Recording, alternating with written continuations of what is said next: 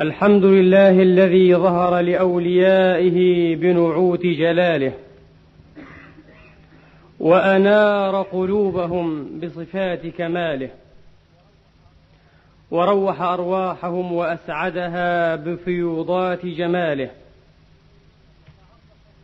وتعرف إليهم بما أبلاهم به من إنعامه وإفضاله. سبحانه هو كما وصف نفسه وفوق ما يصفه به كل أحد من خلقه في إكثاره وإقلاله. وأشهد أن لا إله إلا الله وحده لا شريك له ولا نظير له ولا مثال له إلها واحدا أحدا فردا صمدا لا مانع لما أعطى. ولا معطي لما منع ولا راد لحكمه ولا معقب لأمره. وأشهد أن سيدنا ونبينا محمدا عبده ورسوله القائم له بحقه وأمينه على وحيه وصفوته من خلقه. استوفز عليه الصلاة وأفضل السلام في طاعته.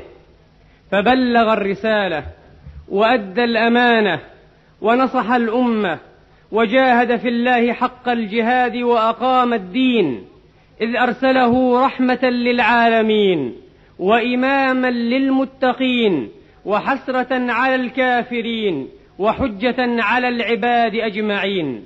ثم استأثر به سبحانه لينجز له ما وعده في كتابه المبين. وترك عليه الصلاة وأفضل السلام أمته على البيضاء الواضحة للسالكين.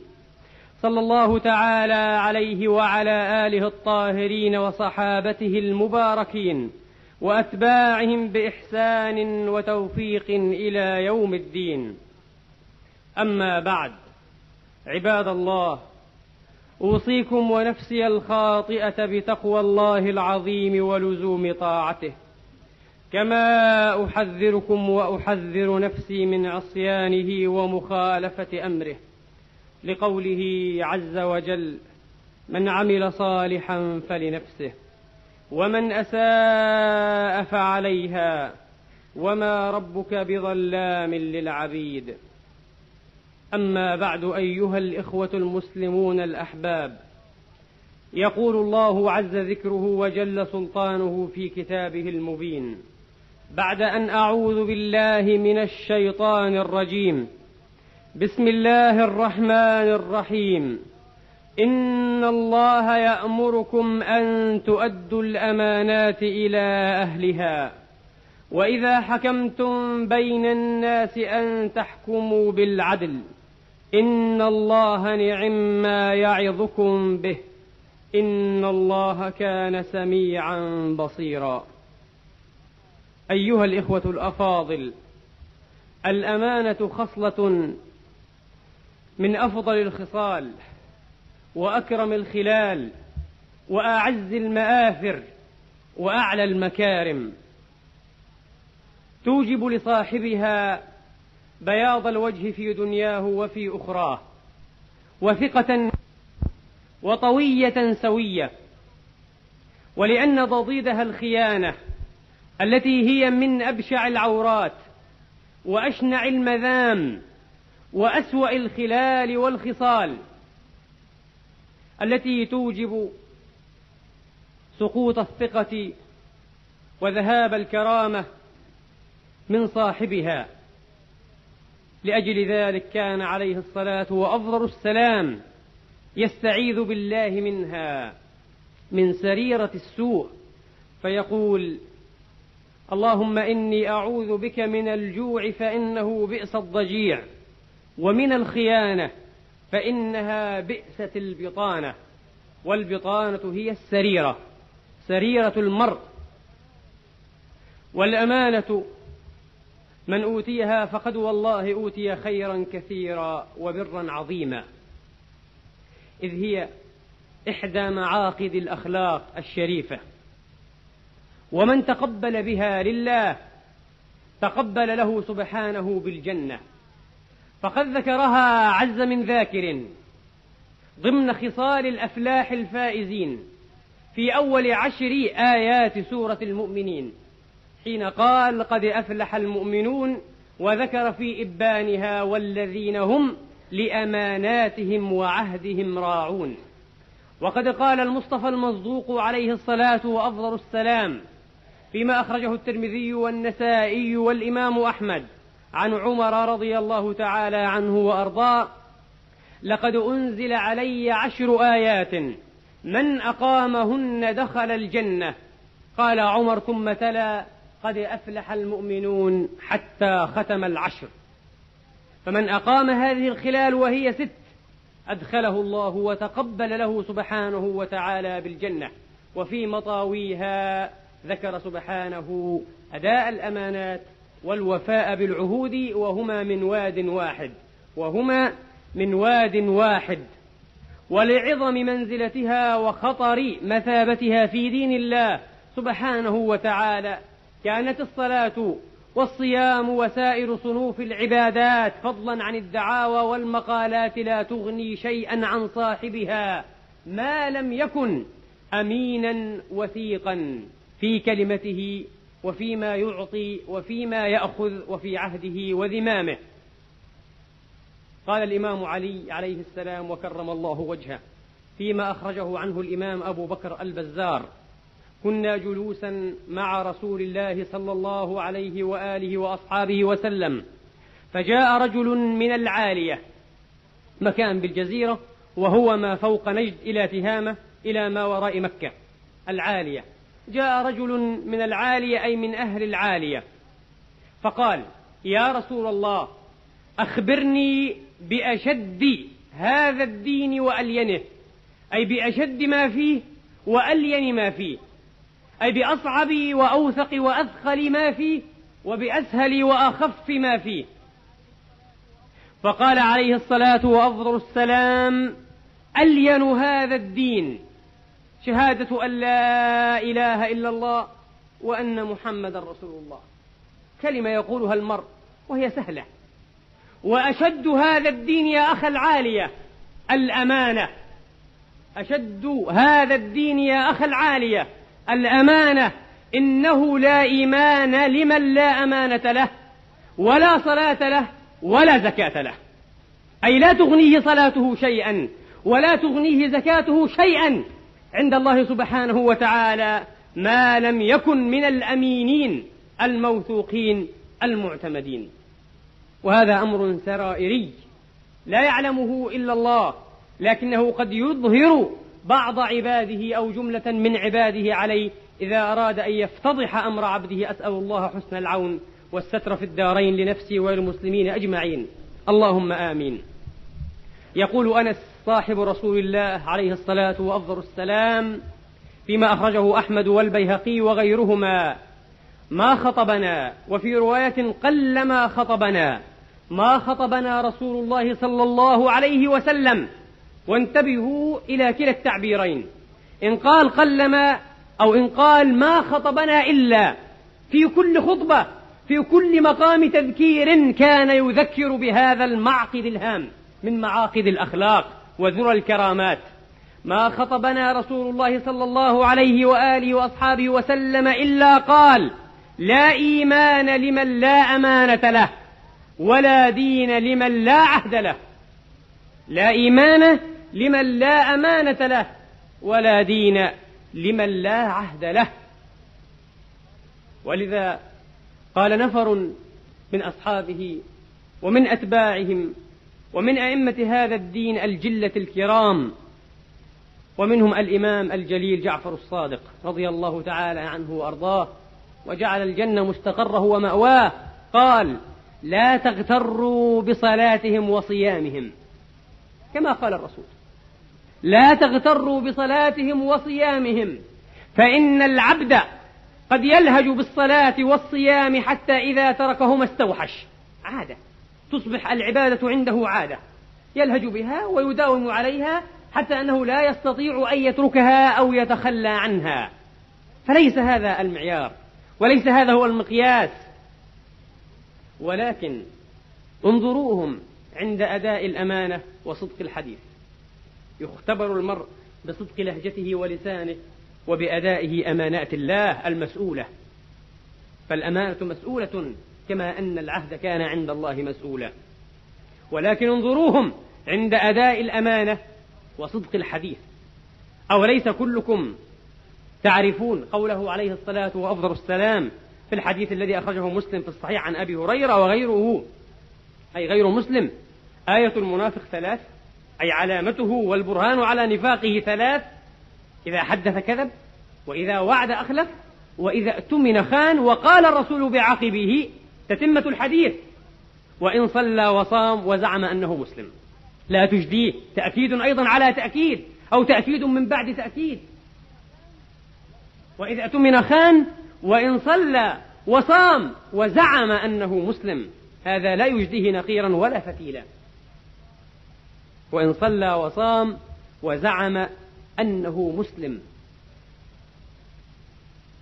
فهذا شيء كاشف عن مثابة الأمانة وعن خطورتها في دين الله. أما من تحلى بها فكما قلت فقد والله أوتي خيرا عظيما وبرا كثيرا. أخرج الإمام الطبراني. قال عليه الصلاة وأفضل السلام من تنزه عن طمع من طمع الدنيا كل ما في الدنيا طمع وكل ما فيها ظل حائل وعرض زائل لا يساوي شيئا في نعيم الله سبحانه وتعالى. فمن تنزه عن طمع من طمع الدنيا فأداه وهو يشاء إن لم يؤده فعل لأنه أمين لأنه أمين على هذا الشيء. يستطيع أن يخون وأن يغل وأن يأخذ وأن يغفر ذمامه إلا أنه لم يفعل. وأدى ما اؤتمن عليه كاملا غير منقوص زوجه الله سبحانه وتعالى. من الحور العين حيث يشاء. حيث يشاء يعني كم يريد وأين يريد. زوجه سبحانه من الحور العين حيث يشاء. اللهم اجعلنا ممن يؤدون الأمانات على الوجه الذي يرضيك عنا. اللهم آمين. وقد قال عليه الصلاة وأفضل السلام فيما رواه عنه صاحبه عبد الله بن عمرو. قال أربع إذا كنا فيك فلا تبالي ما فاتك من الدنيا. إذا من الله عليك بخصال أو خلال أربع فلا تبالي بحظ أو بقسم فاتك من حظوظ الدنيا وأقسامها. صدق حديث. أيضا مرة أخرى الحديث الصادق في ترابط لأن الفضائل لا تتجزأ. يستحيل أن يكون الكذاب المفتري أمينا. ويستحيل أن يكون الخوان الأثيم صادقا. ويستحيل أن يكون السارق عفيفا. فالفضائل لا تتجزأ. والخير لا يأتي إلا بالخير والشر لا يأتي إلا بالشر. وإن رأيت سيئة أو بائقة أو غائلة عند أحد فاعلم أن لها عنده أخوات. وإن رأيته مشمرا مستوفزا في المبرات والطاعات فاعلم أن لها عنده أخوات ونظيرات. صدق حديث وحفظ أمانة. صدق حديث وحفظ أمانة. ووفاء بعهد وعفة طعمة. في ترابط بين هذه الأمور. وعفة طعمة أي لا يأكل إلا الطعام الحلال المبرأ البعيد من الشبهات فضلا عن واضح المحرمات. فمن متعه الله تبارك وتعالى بهذه الخصال الأربع فلا يبالي ما فاته من هذه الدنيا. لا يبالي ما فاته من هذه الدنيا. أيها الإخوة الأحباب ولفظ الأمانة لفظ واسع الدلالة في اللغة وفي شرع الله سبحانه وتعالى في كتابه وفي سنة نبيه عليه الصلاة وأفضل السلام. نعم أوضح ما يصدق عليه هذا اللفظ من المصدقات أو المفاهيم أو الموضوعات في أذهان العامة والخاصة هو الودائع. والودائع أمانات وهي أشد الأمانات. لا ريب هي أشد الأمانات لكنها ليست وحدها هي الأمانة أو الأمانات. بل الأمانة كما قلت لفظ واسع الدلالة مترامي المعاني يجمعها جميعا أو إجمالا شعور المرء المسلم بتبعته فيما يوكل إليه من أمر الخاصة أو أمر العامة من أمر الله أو من أمر الناس. فإن كان المسلم متيقظ الحس حاضر النباهة والشعور بتبعته في كل أمر يوكل إليه كان أمينا لا ريب وكان أمينا أمانة كاملة. وإن كان على غير هذا النعت التحق والعياذ بالله بزمرة الخوانين أو الخائنين. فهذا هو الذي يجمع كل هذه المعاني. ومقصودي أصالة بالحديث إليكم هذا اليوم إن شاء الله تعالى أن أعدد وأن أوصف نماذج وأنواعا وصنوفا من الأمانات حتى لا نغفل وحتى لا يحسب أحد أنه إن أدى وديعة أو ودائع كان أمينا وانتهى أمره. أبدا. هناك أصناف كثيرة لا بد أن يتحلى المرء بأمانته فيها جميعا. على سواء. وأسوق بين يدي حديثي وتبيان هذه الأصناف حديثا نبويا جليلا. حق على كل من يرجو لله وقارا أن ترتعد فرائصه منه. وأن يقوم من اعوجاجه إن كان به عوج. وأن يذهب عنه وحر صدره وخيانة ذمته إن كان به شيء من ذلكم والعياذ بالله. أعني الحديث الذي أخرجه الإمام عبد الرزاق في المصنف وابن أبي شيبة وعبد بن حميد والبيهقي في شعب الإيمان عن عبد الله بن مسعود رضي الله تعالى عنهم جميعا وأرضاهم. والحديث موقوف على ابن مسعود. قال القتل في سبيل الله يكفر الذنوب جميعا. الذي يموت ويقتل في سبيل الله أي شهيدا تكفر عنه سائر خطاياه وذنوبه إلا الأمانة. حتى الشهيد شهادته لا تكفر الأمانة. إلا الأمانة. يقول رضي الله تعالى عنه وأرضاه فيؤتى به يوم القيامة وإن قتل في سبيل الله. فيقال له لكل أمين والأمين هو المؤتمن يسمى أمينا يقال لهذا الأمين هو أمين وقد يكون خائنا أمناه فلم يرعى حق الأمانة يؤتى به وأن قتل في سبيل الله فيقال له أد أمانتك. إذا هو قد غل وقد سرق وقد خان وقد خفر أو أخفر. فيقول يا رب ومن أين وقد ذهبت الدنيا؟ كيف أؤدي هذه الأمانة؟ قد ذهبت الدنيا فيقول سبحانه وتعالى انطلقوا به إلى الهاوية. مباشرة ما في. فينطلق به. فتمثل له أمانته في قعر جهنم. ذات يوم سمع الصحابة وكانوا بين وكان بينهم رسول الله عليه الصلاة وأفضل السلام هدة أي صوتا عظيما. فقال أتعلمون ما هذه الهدة؟ أو هذا الصوت المدوي قالوا كلا يا رسول الله. قال هذا صوت حجر. صوت حجر قذف به أو ألقي به في جهنم فلا زال يهوي سبعين خريفا فهذا أوان أن بلغ قعرها. سبعين سنة! وهذا الحجر منصب مقذوف به مرسل في هذا القعر البعيد بعد سبعين سنة. بلغ قعر جهنم والعياذ بالله. اللهم لطفك ورحمتك يا أرحم الراحمين. سبعين سنة.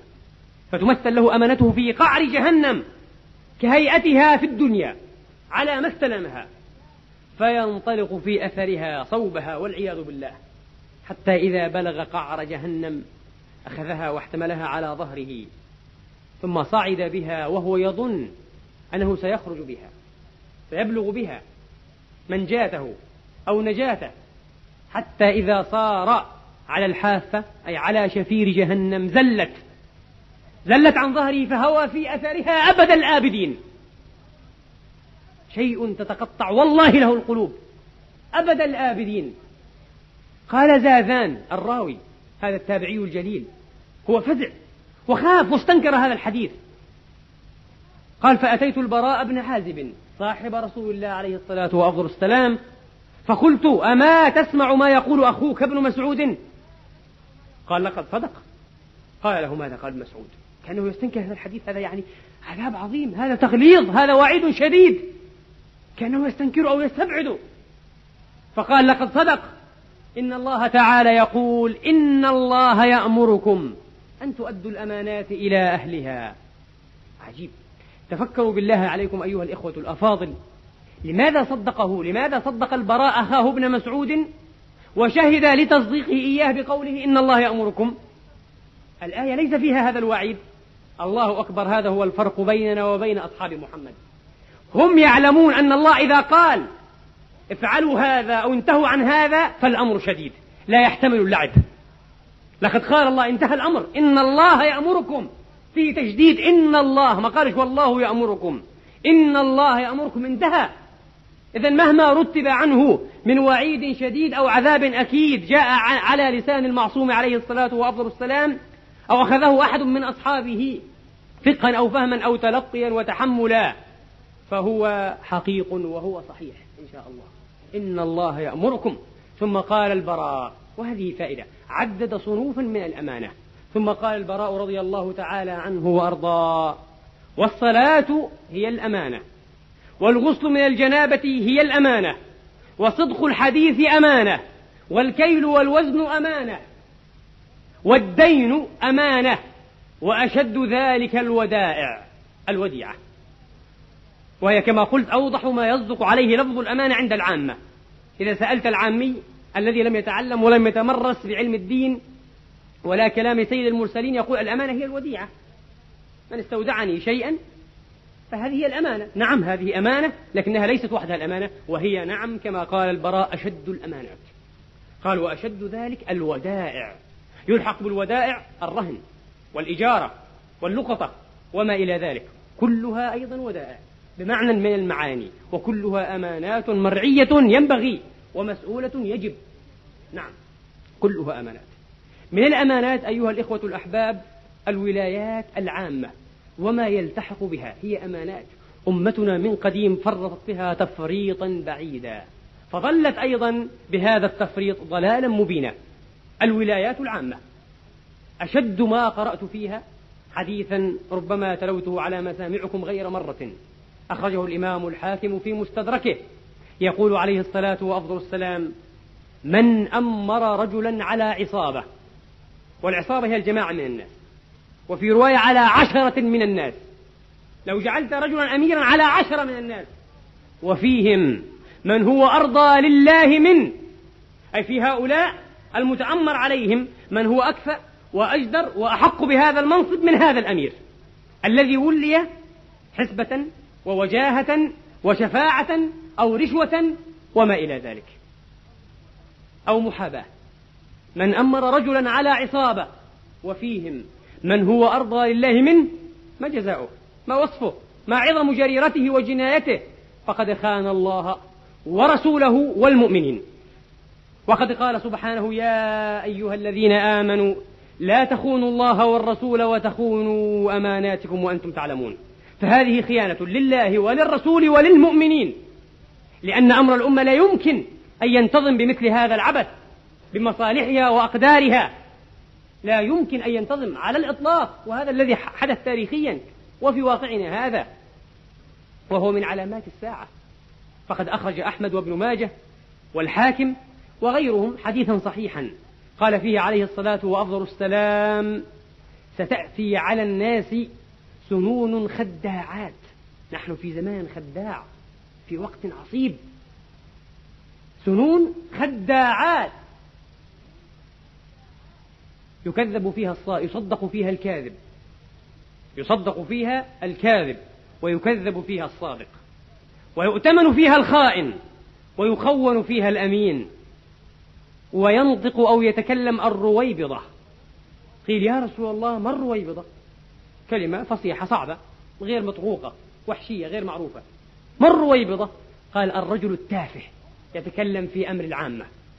تافه يأخذ منصبا كبيرا. ويخطط وينظر للأمة ولجماعة المليين الموحدين. هذا من خداع السنين ومن خداع الوقت. هذا الذي نراه. نعم هذا من أشراط الساعة. وهو تضييع للأمانة لا ريب تضييع للأمانة لا ريب. مذكور تصريحا في حديث أخرجه الإمام البخاري عن أبي هريرة.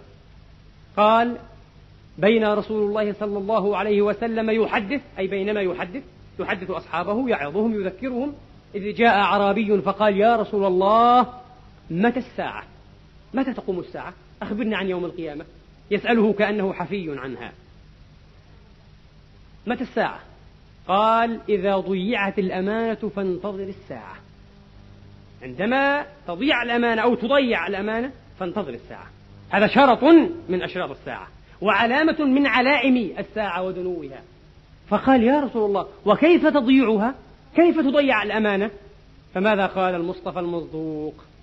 الذي ينظر إلى الغيب من خلف ستر رقيق عليه الصلاة وأفضل السلام. قال إذا وسد الأمر إلى غير أهله فانتظر الساعة.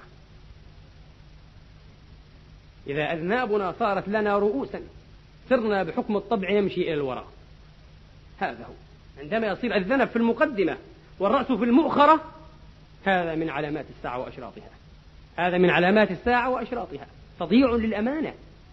إذا وسد الأمر إلى غير أهله جاءه صاحبه الجليل القوي الأمين في نفسه وفي دين الله أبو ذر الغفاري رضي الله تعالى عنه وأرضاه. قال يا رسول الله استعملني. يريد الأجر. يريد أن يكون واليا رئيسا حاكما على منطقة. أو عميا للرسول على جمع الزكاة أو ما إلى ذلك. في أي عمالة؟ استعملني. يريد منصبا معينا في الدولة. لكي يؤدي فيه حق الله وحق المسلمين. لا رغبة في المنصب. أعوذ بالله. أكثرهم براء من هذه الأهواء. فقال عليه الصلاة وأفضل السلام يا أبا ذر إني أراك ضعيفا.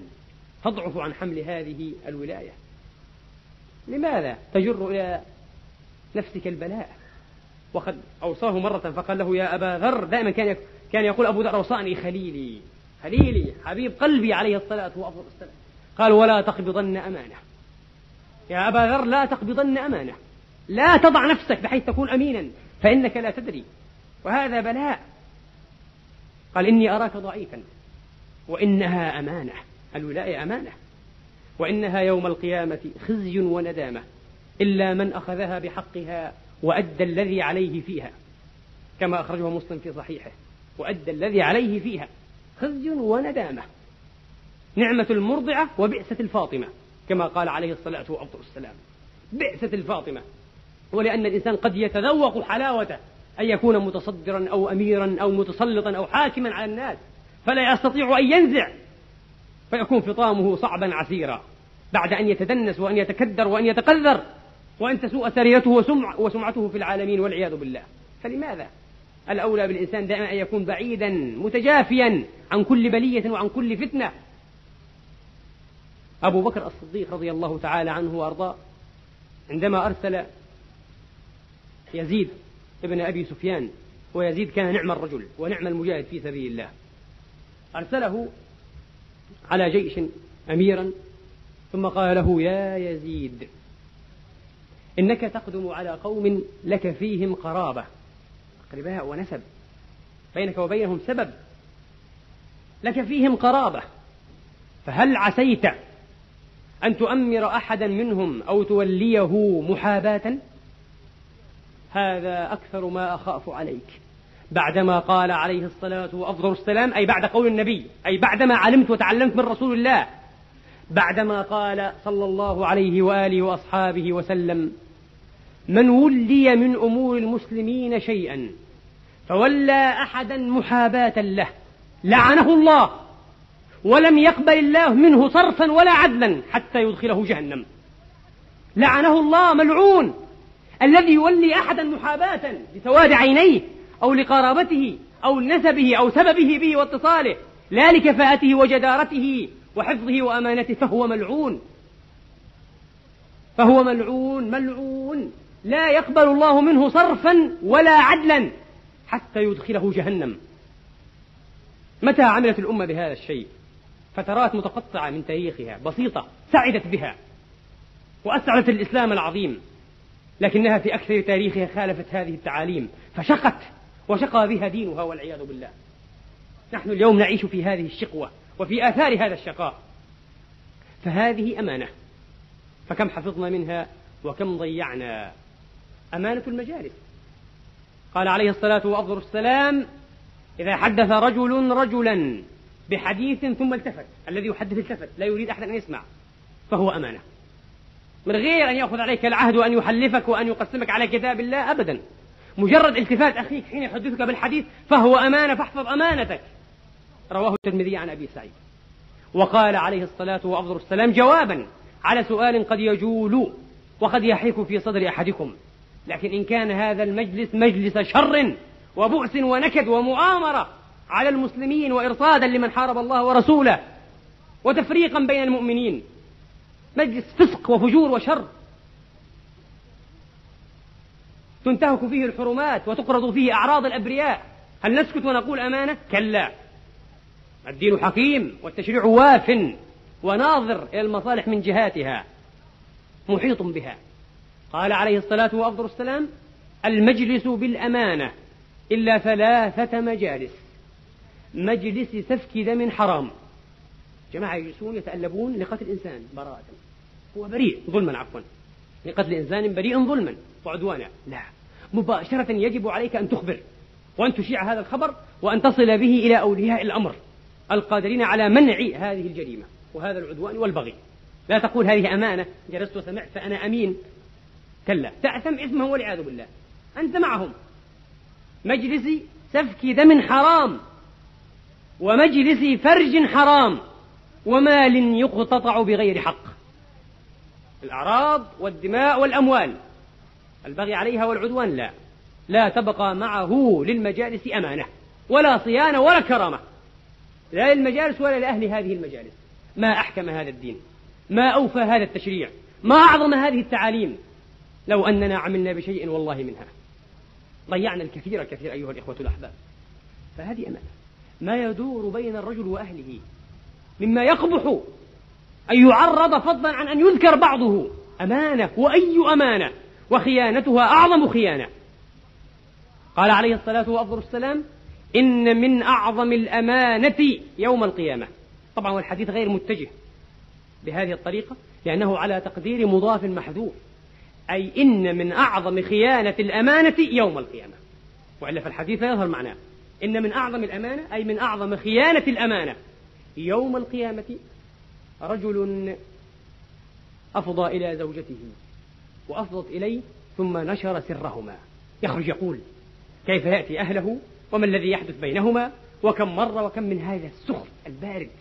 وهذه الديوثية وهذه المقابح التي يتلوث بها الأغبياء من الناس البلداء. الذين الذين لا عرض لهم ولا شرف ولا كرامة. يتباهون بذلك. منتهى الغباء والسخف هذا. قالت أسماء بنت يزيد رضي الله تعالى عنها وأرضاها كما أخرجه الإمام أحمد في المسند. وهذا الحديث أيضا الأول مخرج في مسنده. قالت كنت عند رسول الله صلى الله عليه وآله وأصحابه وسلم والرجال والنساء حوله قعود. مجلس يضم صحابيات وأصحابا.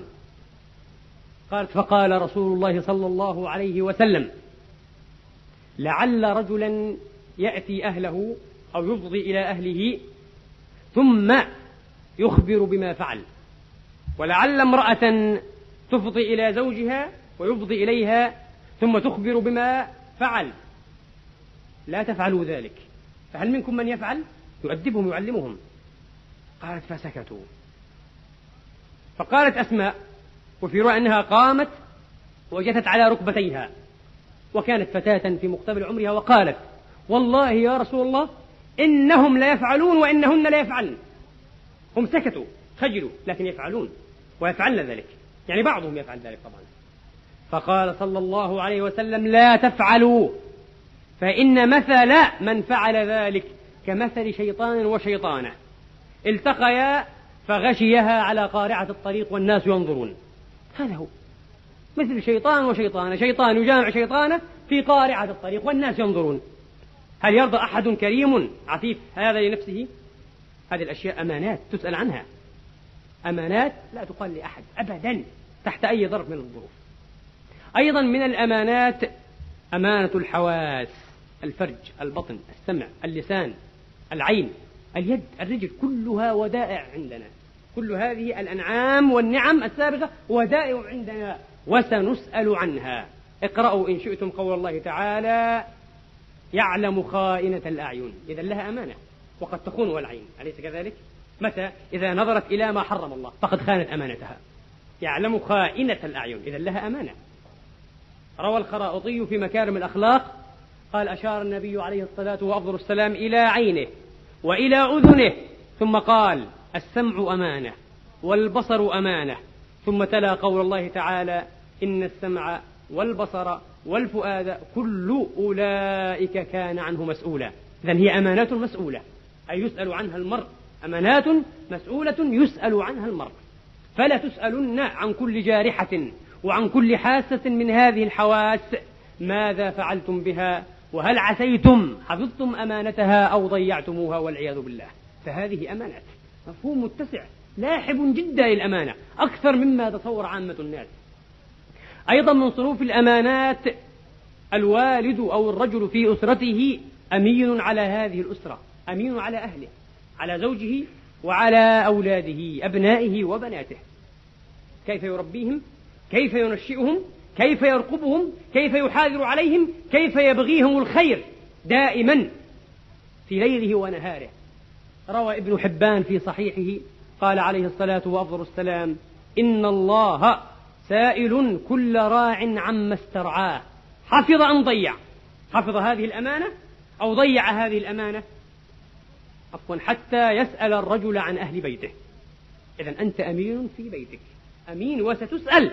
بل قال ابن العربي نقلا عن بعض العلماء بل كل مسلم وال يتولى. كلكم راع وكلكم مسؤول رعيته هذا أخذها من الحديث الصحيح. كل مسلم وال فالمسلمون ولاة أمينون على مراتبهم بدءا من الحاكم وانتهاء بالرجل في أسرته. الكل وال والكل أمين حفيظ وسيسأل عن هذه الأمانة. لكن على مراتبهم على مراتبهم المختلفة. فهذه أمانة أيضا. العبادات والفرائض أمانة من أعظم الأمانات. وقد مر بنا قول البراء بن عازب والصلاة هي الأمانة والغسل من الجنابة هي الأمانة. وقد ورد أيضا أن الصوم أمانة أن الصوم أمانة. قال صلى الله عليه وسلم الصوم أمانة فليحفظ أحدكم أمانته. والقرآن الكريم هو الذي أكد أن الصوم أمانة. في قوله عز من قائل علم الله أنكم كنتم تختانون أنفسكم. نزلت في أول تشريع الصيام أو في ثاني مراحل تشريعه عندما أتى عمر وقيل غيره أتى أهله ليلة رمضان. ليلة وقد كان هذا محرما. قد كان هذا محرما بعد أن ينام الرجل. إذا نام انتهى لا يستطيع أن يأتي أهله ولو قبل الفجر. ففعل ذلك وظن أنه قد هلك. واستفتى فيها الرسول فأنزل الله تبارك وتعالى. علم الله أنكم كنتم تختانون. إذا الذي ينقض شيئا مما يجب من حفظ الفريضة والتكليف إنما يغفر ذمام أمانته إنما يغفر ذمام أمانته. فالعبادات أمانة العلم أمانة. الشرعي منه على وجه الخصوص والدنيوي عموما العلم أمانة. فقد أخذ الله العهد العام على الذين يعلمون أن يبينوا للذين لا يعلمون. ولذا عد أهل الكتاب خوانين خونة. عدهم الله ورسوله خوانة لأنهم كتموا ما استحفظوا عليه وما اؤتمنوا عليه من أوصاف نبي الله محمد عليه الصلاة والسلام. كتموها. عندما سئلوا عنها كتموها. كان عمر بن الخطاب وربما أختم بهذه القصة. قال كنت أحب أن آتي اليهود يوم مدراسهم. عندهم يوم في المدينة يجتمعون فيه يتدارسون التوراة والأسفار المقدسة. قال فكنت أحب أن آتيهم وأسمع. أحب يسمع. لما يرى من موافقة بعض ما في التوراة لما جاء به محمد في قرآنه عليه الصلاة وأفضل السلام فيعتضد ويقوى يقينه. قال فقالوا لنا والله يا ابن الخطاب إنك لأحب أصحاب محمد إلينا. قلت ولم قال لأنك تغشانا وتأتينا. يعني مش متعصب أنت. تأتينا وتمر علينا وتجلس في السماء فنحن نحبك. قال فقلت لهم سألتكم بالذي أنزل التوراة والألواح على موسى. سألتكم بحق الله سبحانه وتعالى ونشدتكم الله. هل تجدون وصف محمد في كتابكم؟ هو يعرف ما عنده لكن يريد أن يلزمهم الحجة. قال فسكتوا الخبثاء. قال فسكتوا فقال كبيرهم كبير أحبارهم ورابيهم. قال لقد عظم عليكم الرجل فأجيبوا عظم عليكم الحلف استحلفكم بحلف عظيم. فأجيبوا قالوا أنت كبيرنا وسيدنا فأجبه عنا. أنت كبيرنا وسيدنا فأجبه عنا. قال والله نعم يا ابن الخطاب إنا لنجده مكتوبا عندنا. الذي يجدونه مكتوبا عندهم في التوراة والإنجيل في سورة الأعراف. مكتوب. سبحان الله. لم تطله يد التحريف والعبث. بالرغم من تحريفهم حجة قائمة عليهم إلى يوم الدين. وإلى الآن من قرأ التوراة والإنجيل فعشرات المواضع تبشر محمد بشارات واضحة صريحة. إلى الآن. إلى الآن. قال نعم نجد. فقال فلما لا تتبعونه؟ لما لا تتبعونه؟ فقالوا نحن نخبرك. انظروا الحجة الواهية حجة واهية أوها من خصر أوها من بيت العنكبوت وأضعف من خصر شاد. قالوا يأتيه جبريل أليس كذلك؟ قال عمر نعم يأتيه جبريل. قالوا فهل هو حليفه وقرينه من الملائكة؟ قال نعم. فإنه نزله على قلبك بإذن الله. جبريل هو خليل محمد وصاحبه وقرينه ووليه من الملائكة. قالوا لهذا فارقنا محمدا ودينه. قال لما؟ قالوا لأن جبريل هو ملك الغلظة والقسوة والشدة ولا ينزل ولم ينزل علينا إلا بالعذاب. جبريل هو الذي كان ينزل عليهم بالعذاب. ومن أجل ذلك أنزل الله ما سيأتي في آخر هذه القصة أو في آخر هذا الحديث الذي أخرجه ابن جرير. عمر مناظر لبق ويقظ. قال لهم جبريل وميكائيل ما مكانهما عند الله تبارك وتعالى. ملكان كريمان. هم هم يحبون ميكائيل. قالوا لو كان ميكائيل قرينه لاتبعناه. لكن هو قرينه جبرائيل فنحن لا نتبعه. فقال لهم فما مكانة هذين الملكين عند الله؟ قال كريمان عند الله. أحدهما عن يمينه والآخر عن عن يساره. عند الله. من غير تكييف ولا تمثيل والعياذ بالله. فقال لهم عمر رضي الله تعالى عنه وأرضاه وبحق الذي أو بحق الذي بينهما سبحانه وتعالى. إنه سبحانه ولي لمن والاهما وعدو لمن عاداهما ثم انطلق عمر مغضبا. غضب عليهم بعدما رأى من خبثهم وسوء تأولهم وما ضل من ضل إلا بالتأول. قال فلقيت الرسول عليه الصلاة وأفضل السلام.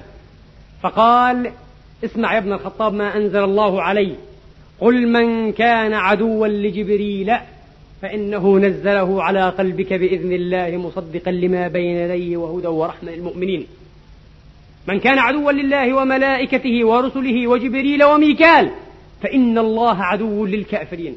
قال يا رسول الله والله لقد أردت أن أخبرك الخبر فإذا اللطيف الخبير قد سبقني. لا إله إلا هو. أقول هذا القول وأستغفر الله العظيم لي ولكم فاستغفروه إنه تواب غفور رحيم.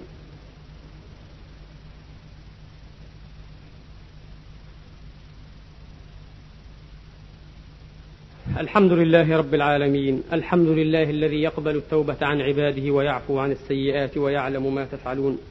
ويستجيب الذين آمنوا وعملوا الصالحات ويزيدهم من فضله والكافرون لهم عذاب شديد. أشهد أن لا إله إلا الله وحده لا شريك له الملك الديان والرب المستعان والعظيم السلطان والشان. وأشهد أن سيدنا وحبيبنا ونبينا ورسولنا محمدا عبده ورسوله وصفوته من خلقه. صلى الله تعالى عليه وعلى آله وأصحابه وأتباعه بإحسان إلى يوم الدين. أما بعد فاعلموا عباد الله أن الله سبحانه وتعالى قد أمركم بأمر بدأ فيه بنفسه ثم ثنى فيه بملائكة عرشه وقدسه فقال جل من قائل مخبرا وآمرا ولم يزل قائلا كريما وآمرا حكيما إن الله وملائكته يصلون على النبي يا أيها الذين آمنوا صلوا عليه وسلموا تسليما. لبيك اللهم صل على محمد وعلى آل محمد كما صليت على إبراهيم وعلى آل إبراهيم وبارك على محمد وعلى آل محمد كما باركت على إبراهيم وعلى آل إبراهيم في العالمين إنك حميد مجيد. اللهم افتح مسامع قلوبنا لذكرك وارزقنا عملا بكتابك واتباعا لسنة نبيك المصطفى صلى الله عليه وآله وأصحابه وسلم. ونسألك إيمانا لا ينفد وقرة عين لا تنقطع. ويقينا لا يرتد ومصاحبة لنبيك عليه الصلاة وأفضل السلام في أعلى فراديس الخلد. اللهم أعنا على ذكرك وشكرك وحسن عبادتك. ربنا اغفر لنا ولإخواننا الذين سبقونا بالإيمان ولا تجعل في قلوبنا غلا للذين آمنوا. ربنا إنك رؤوف رحيم. نبتهل إليك أن تنصر الإسلام والمسلمين وأن تعلي بفضلك كلمتي الحق والدين. ربنا اغفر لنا ولوالدينا وللمسلمين والمسلمات والمؤمنين والمؤمنات أجمعين. اللهم آمين. عباد الله إن الله يأمر بالعدل والإحسان وإيتاء ذي القربى وينهى عن الفحشاء والمنكر والبغي. يعظكم لعلكم تذكرون. اذكروا الله يذكركم واشكروه يزدكم. وسلوه يعطكم وقوموا إلى صلاتكم يرحمني ويرحمكم الله.